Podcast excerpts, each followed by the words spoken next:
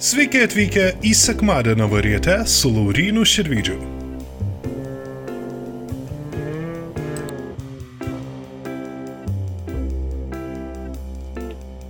Sveiki gyvi, šiandieną yra e, gruodžio 8 diena ir mes vėl susitinkame sekmadienį. Šios dienos tema yra rinkimai.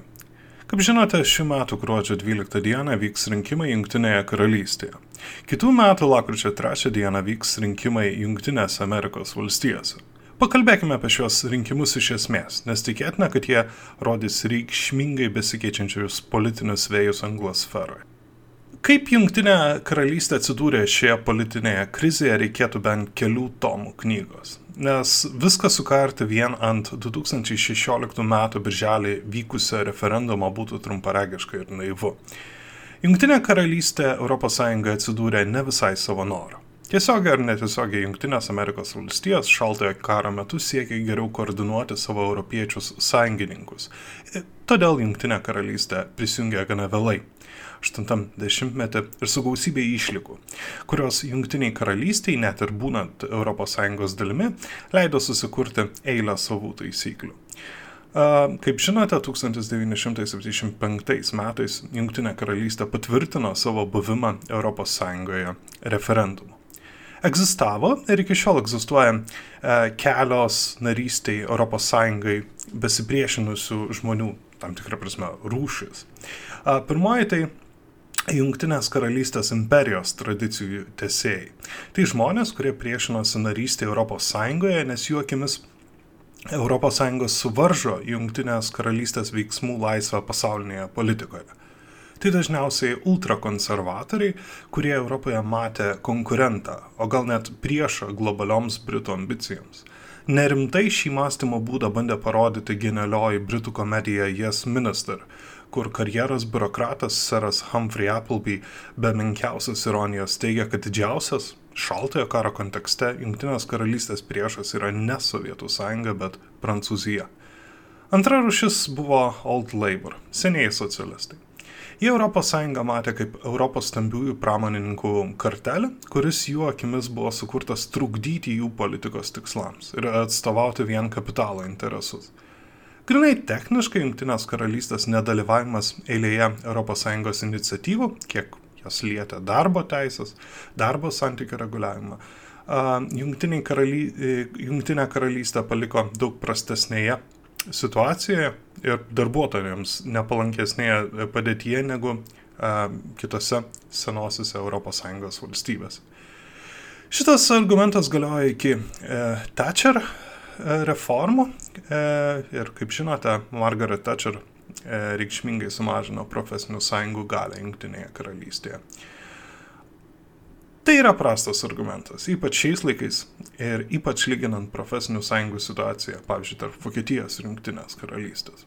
Taip pat dera prisiminti ir tai, kad leiboristai daugelio aspektų buvo saliginai konservatyvi centro kairės partija akcentuojanti lokalumą ir suverenitetą ir jį priešindama kosmopolitiniams ir į imperiją orientuotiems toriams. Tai, kas juos visus vienyje, buvo britiškumas kaip koncepcija. Dėl komplikuotų 17 amžiaus istorijos vingio, dėl Anglijos pilietinio karo ir jo padarinių, Anglijos karalystė, o vėliau ir Didžioji Britanija tapo izoliuota nuo likusios Europos. Tai salose ir jų politinėme elite galutinai įtvirtino anglų kalbą kaip elito kaip mokslo kalbą. Ir per e, pusę amžiaus salginės izolacijos tai pakeitė ir iš principo sukūrė Britų kultūrą. Tai yra labai komplikuota diskusija. Tikrai ne šio podkasto rėmams ir apimčiai, nes e, tai yra apie konfesinio kolonializmo ir imperializmo į, įtakų sąveiką. Britai nelaikė savęs europiečiais. Jie laikė save kažkuo geresniu. Ta izolacija galutinai įtvirtino galios balansavimo koncepciją Britų užsienio politikoje. Taigi, Didžioji Britanija visą laiką stengiasi užkardyti kelius bet kokios imperijos Europoje įsigalėjimui. Britai niekada neturėjo ilgalaikių sąjungininkų ir stengi, stengdavosi e, nesivelti į Europos karus, jei šis esminis interesas nebuvo pa, pažeidžiama. Ši užsienio politikos kryptis iki šiol yra aktuali, kiek tai liečia santykius Europoje. Taip pat reikėtų kovoti su bendra amnezija. Brexitas 2016 metais na, nebuvo nauja idėja, ultrakonservatyvos sluoksniai, kurie akcentavo kaip akcentavo Didžiąją Britaniją kaip globalų žaidėją su imperinėmis ambicijomis, yra bandę kažką panašaus atlikti ir anksčiau. Dar 1997 m. rinkimų kampanijos metu oligarchas Seras Jamesas Goldsmithas finansavo vadinamąją referendumo partiją su vienu tikslu - sukurti prielaidas referendumui dėl išstojimo iš ES. Tuo pat metu padėdamas suskaldyti konservatorių elektoratą. E, žinant tai, kad šis oligarchas turėjo ilgalaikį asmeninį konfliktą su konservatorių partijos establishmentu.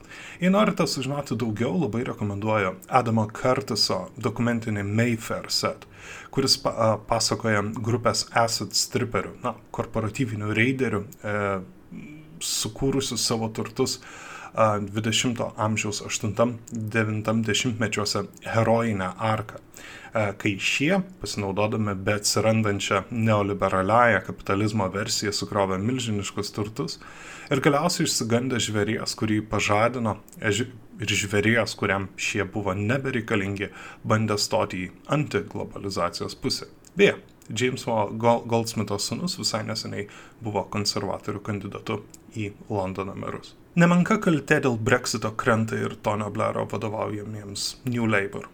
Tonis buvo neoliberalizmo veidas pasaulyje. Ir jo idėja, kad Junktinė karalystė taps didi, jei taps pasaulio finansų centru ir kad uh, politinės pergalės ateis atsisakius tradicinių darbininkų rinkėjų ir juos pakeitus amorfišką, nepatikimą ir sviruojančią vidurinę klasę, davė pergalės rinkimuose, bet pataikaujant verslo interesams, atvertas darbo rinkos leido kurtis ir stiprėti reakcingoms jėgoms, kurios beveik visos bandė žaisti ant tam tikrų darbininkų klasės baimę. Darbo migracijos į Junktinę karalystę modelio Toniui Blairui niekas nediktavo.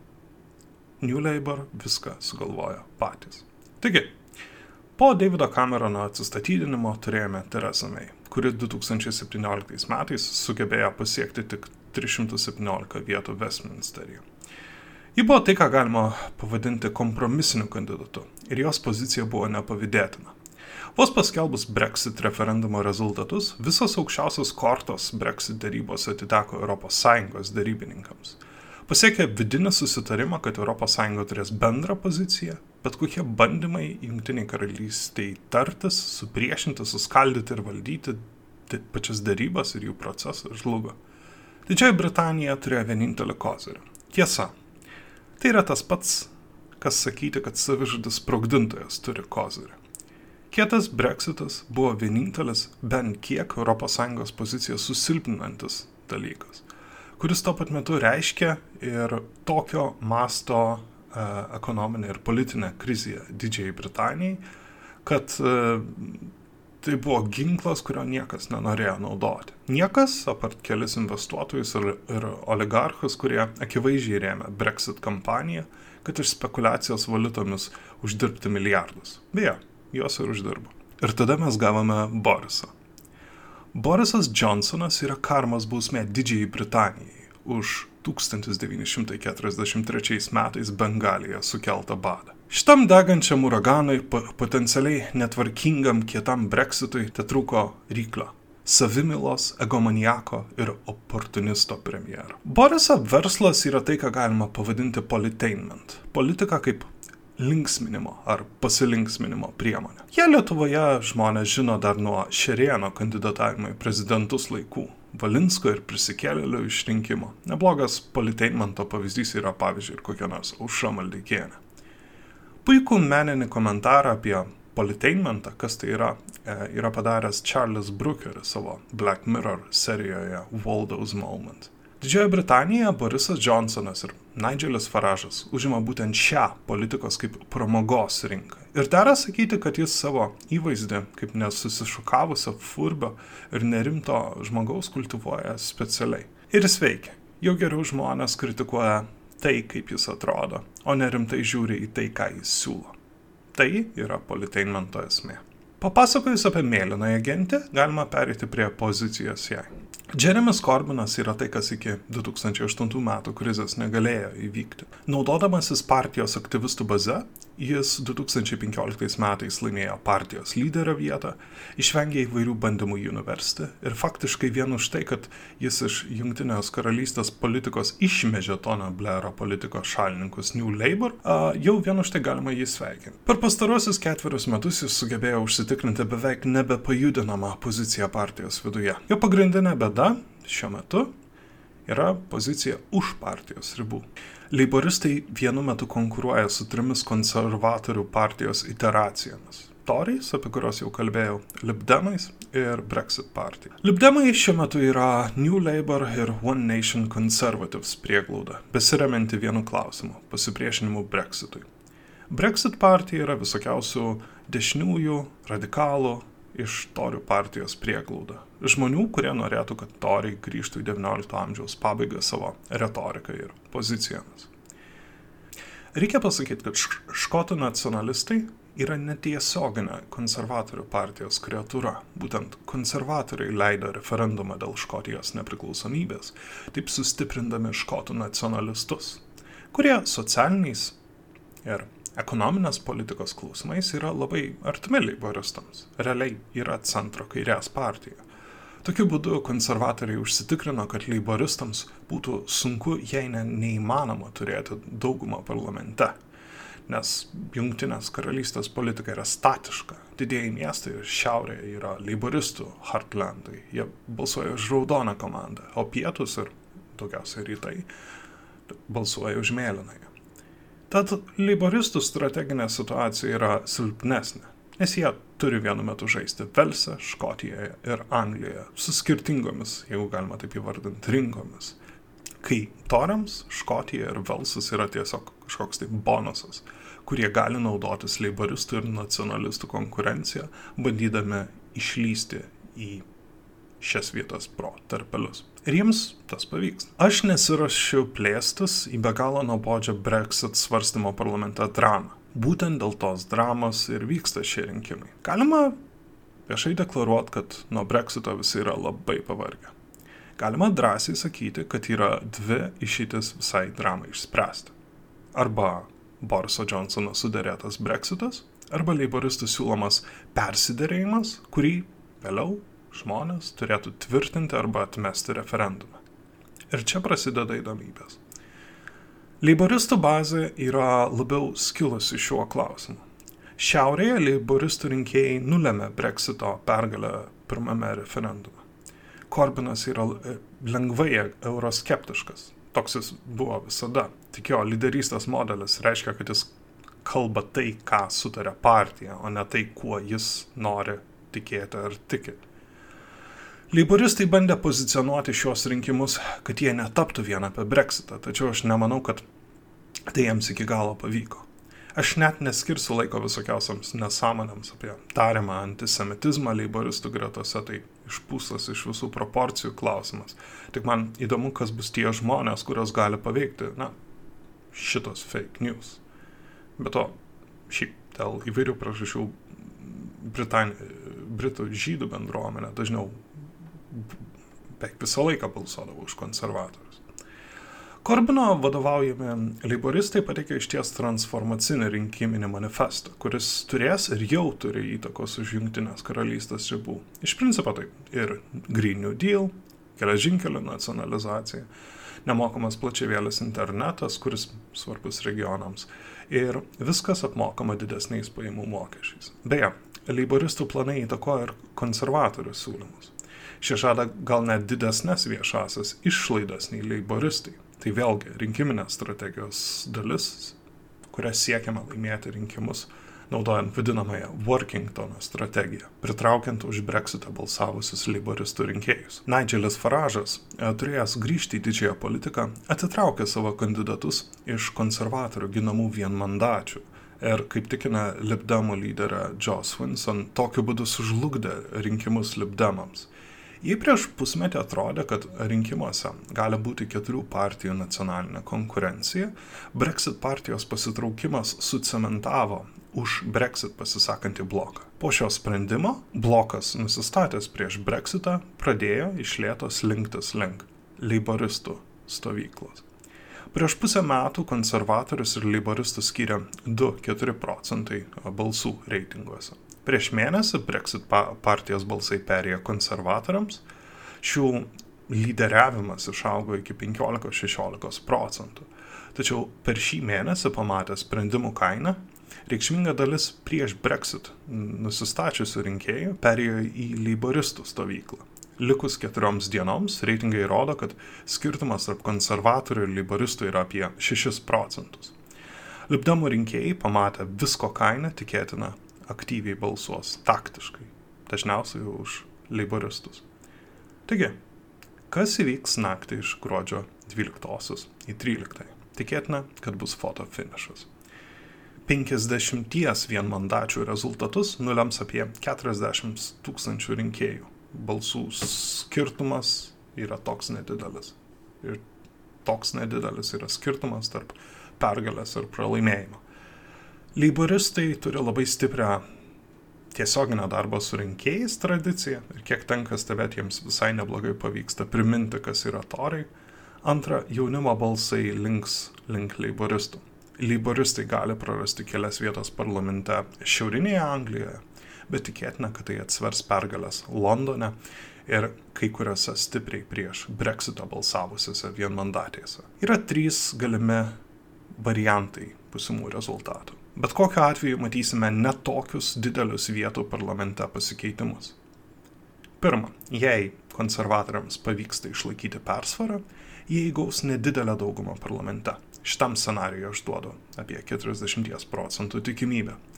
Antra, jokios daugumos. Hung Parliament. Panašus ar pakartotas praeitų rinkimų rezultatas, kur konservatoriai gauna tiek pat arba vos mažiau vietų parlamente, tačiau šį kartą nebeturi sąjungininkų iš DUP, kurio, kurios Borisas Johnsonas pardavė dėl Brexito. Šiam scenarijui aš duodu apie 30 procentų tikimybę. Na ir trečiasis, leiboristai fotofinišė dėl didelio rinkimų aktyvumo ir taktinio balsavimo e, laimi papildomas, tarkim, 20-30 vietų parlamente ir sudaro koaliciją su škotų nacionalistais ir galbūt Velso nacionalistais. Kaip žinia, libdemai viešai yra teig, viešai teigia neremsantys, bet, na, ko iš jų norėt. Škotų nacionalistams tokia, pagal tokį scenarijų 2023 metais, veikiausiai bus pažadėtas referendumas dėl Škotijos nepriklausomybės. Vėlgi aš duodu šitam scenarijui apie 30 procentų tikimybę. Yra nemaža galimybė, kad Borisas Johnsonas gali netekti savo vietos parlamente, nes jo dauguma yra silpna jo vienmandatėje. Tad penktadienio ryte gali būti priežasčių linksmai kvatotis. Ypač jei konservatoriai laimi, bet be Boriso parlamente. Supraskime vieną. Nepaisant visų pastangų leiboristams, nepavyko padaryti to, kad rinkimai būtų ne vien apie Brexitą. Tačiau jie iš to galbūt laimėjo.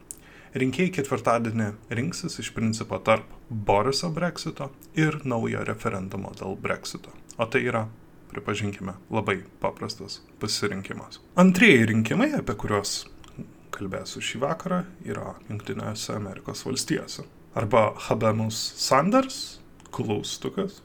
JAV demokratai iki 2020 m. kovo pabaigos tikėtina turės preliminarų nominantą busimai kovai su Donaldu Trumpu. Ilgą laiką politiniuose sluoksniuose labai populiarios New Hampshire ir Ajovos valstijos, pirmosios balsuosančios demokratų pirminėse rinkimuose, atrodo išeina iš mados.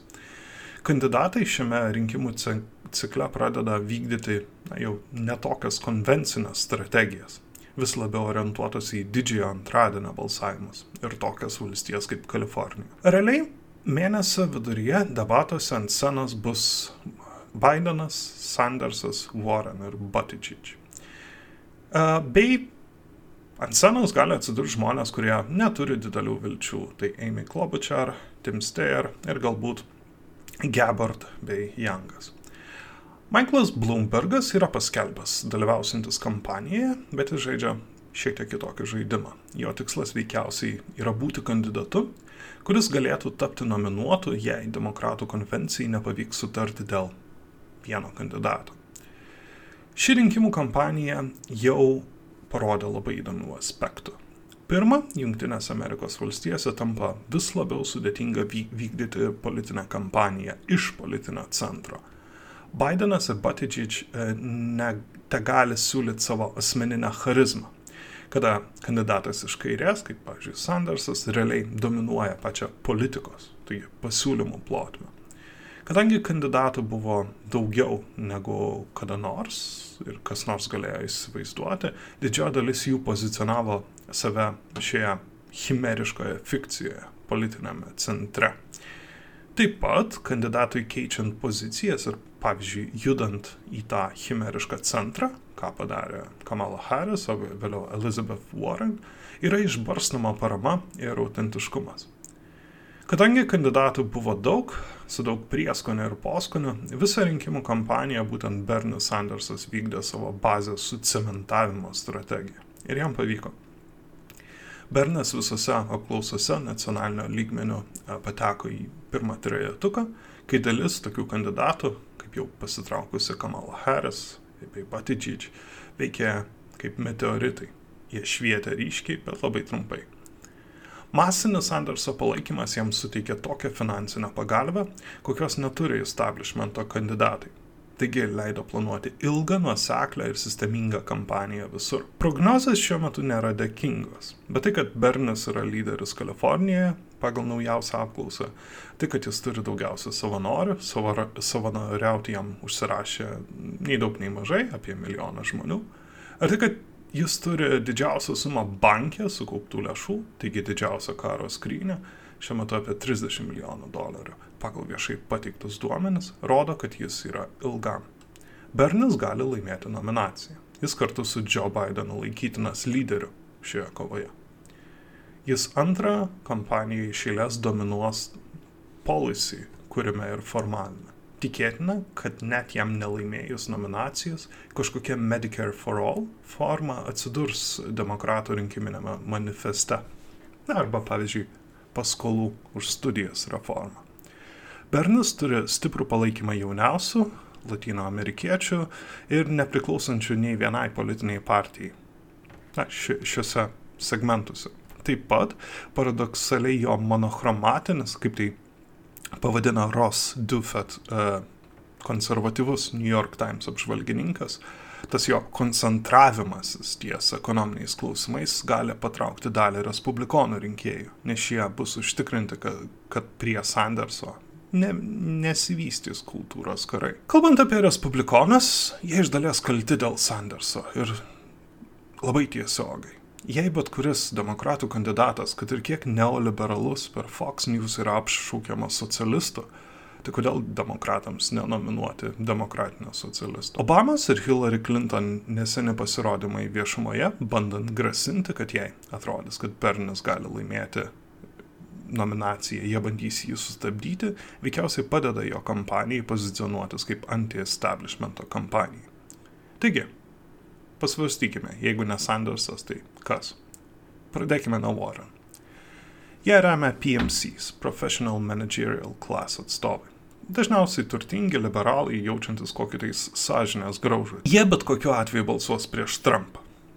Taip pat Warren tiesioginėse debatuose prieš Trumpą yra neįtikėtinai pažeidžiama. Ir tai ne tik dėl viso Pocahontas skandalo, bet ir dėl to, kad jis savo politinę karjerą pradėjo kaip respublikonė. Dėl to, kad jos požiūris į politiką yra fundamentaliai kitoks nei, pavyzdžiui, Sanderso. Ji šiuo metu jau žaidžia identitetų politiką. Ir tai yra minusas. Warren turi galimybę laimėti prieš Trumpą, bet šiuo metu tarp šių keturių kandidatų veikiausiai tai yra silpniausias kandidatas.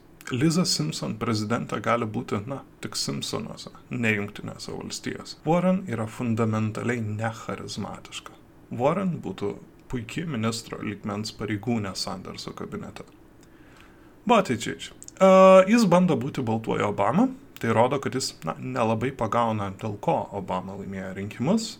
Dėl demokratų partijos pozicijų pasikeitimo Buttigieg uh, atrodo atstovaus NATSECO arba saugumo valstybės interesus. Pagal jo paties autobiografiją galima suprasti, kad jis tiesiogiai arba netiesiogiai dirbo kažkurioje iš trijų raidžių agentūroje Irake.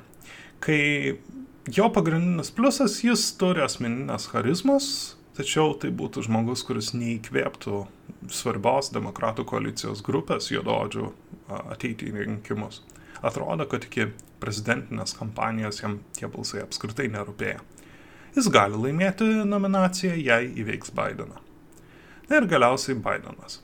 Realiai tai yra Trumpo atitikmuo iš establishmento. Aš net nenoriu pradėti plėstis apie jo, e, kalbėti apie jo sūnų, kuris yra unikumas pats savaime, turbūt įdomiausia asmenybė JAV politinėme gyvenime šiuo metu. Pagooglinkite, būsite nustebinti, ne kiekvieno viceprezidento sunus nesaugiuose kvartaluose perka kreką. Bei Hunterio Bideno nuotikių Ukrainoje. Bidenas yra nesidomenčių politiką žmonių kandidatas. Tai yra žmonių, kurie palaikys jį vien tam, kad pamatytų, kaip atrodo jo debatai su Trumpu. Jei Bidenas bus nominuotas demokratų, tikėtina, kad tai bus stebuklinga rinkimų kampanija, kurioje du neįtikėtinai pažeidžiami kandidatai mėtysis milžiniškais kiekiais purvo. Tokiais kiekiais, kokių niekas nematė ir neįsivaizdavo. Yra kam tai patinka ir tie žmonės veikiausiai remia Džo. Taigi, taip labai trumpai apžvelgus šias kampanijas ir pateikus kažkokias savo išvalgas, aš tiesiog apie tolimesnius epizodus turiu pasakyti, kad veikiausiai jos įrašinėsiu daugiau mažiau kas dvi savaitės ir kas dvi savaitės jūs gausite papildomą įrašą iš manęs. Aš norėčiau padėkoti visiems, kas manęs klausosi ir jeigu jūs norite su manim susisiekti, pasiūlyti kokią nors temą, kokią nors feedbacką, jūs galite rašyti man į Facebooką, Laurina Šilvydis, Twitterį, Laurina Šilvydis. Uh, ir aš pasižiūrėsiu, pabandysiu E, jums atsakyti. Ir kaip tam tikra tradicija, kurią aš noriu pradėti, šį podcastą aš noriu pabaigti su Dr. Green daina Dr. Guillotine.